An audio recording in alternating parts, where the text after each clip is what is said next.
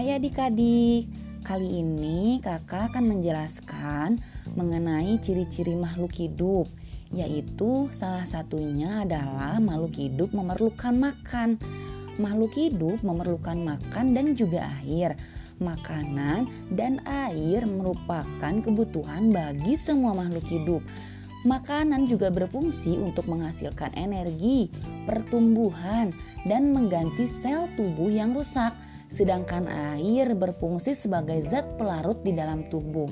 Nah, setiap makhluk hidup membutuhkan makanan untuk bertahan hidup, loh, bersama dengan udara dan juga air. Itu adalah salah satu kunci dasar dalam kehidupan pada intinya, makanan adalah bahan bakar dan kalori atau energi yang membuat kita tetap hidup. Tubuh kita dirancang untuk mencari makanan untuk bertahan hidup. Otak dan tubuh akan memberikan tanda merasa lapar ketika kita kehabisan energi. Dan hal itu pastinya membuat kita sulit untuk berkonsentrasi atau melakukan aktivitas.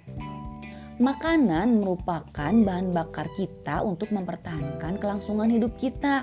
Makanan yang kita makan memberikan kita berbagai nutrisi, yaitu seperti vitamin, mineral, air, lemak, serat, karbohidrat, dan protein.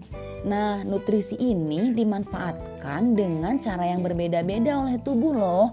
Ada yang berfungsi sebagai bahan bangunan untuk membangun jaringan dan organ dan ada juga yang berfungsi sebagai mesin molekuler yang membuat sel-sel kita berjalan sebagaimana mestinya.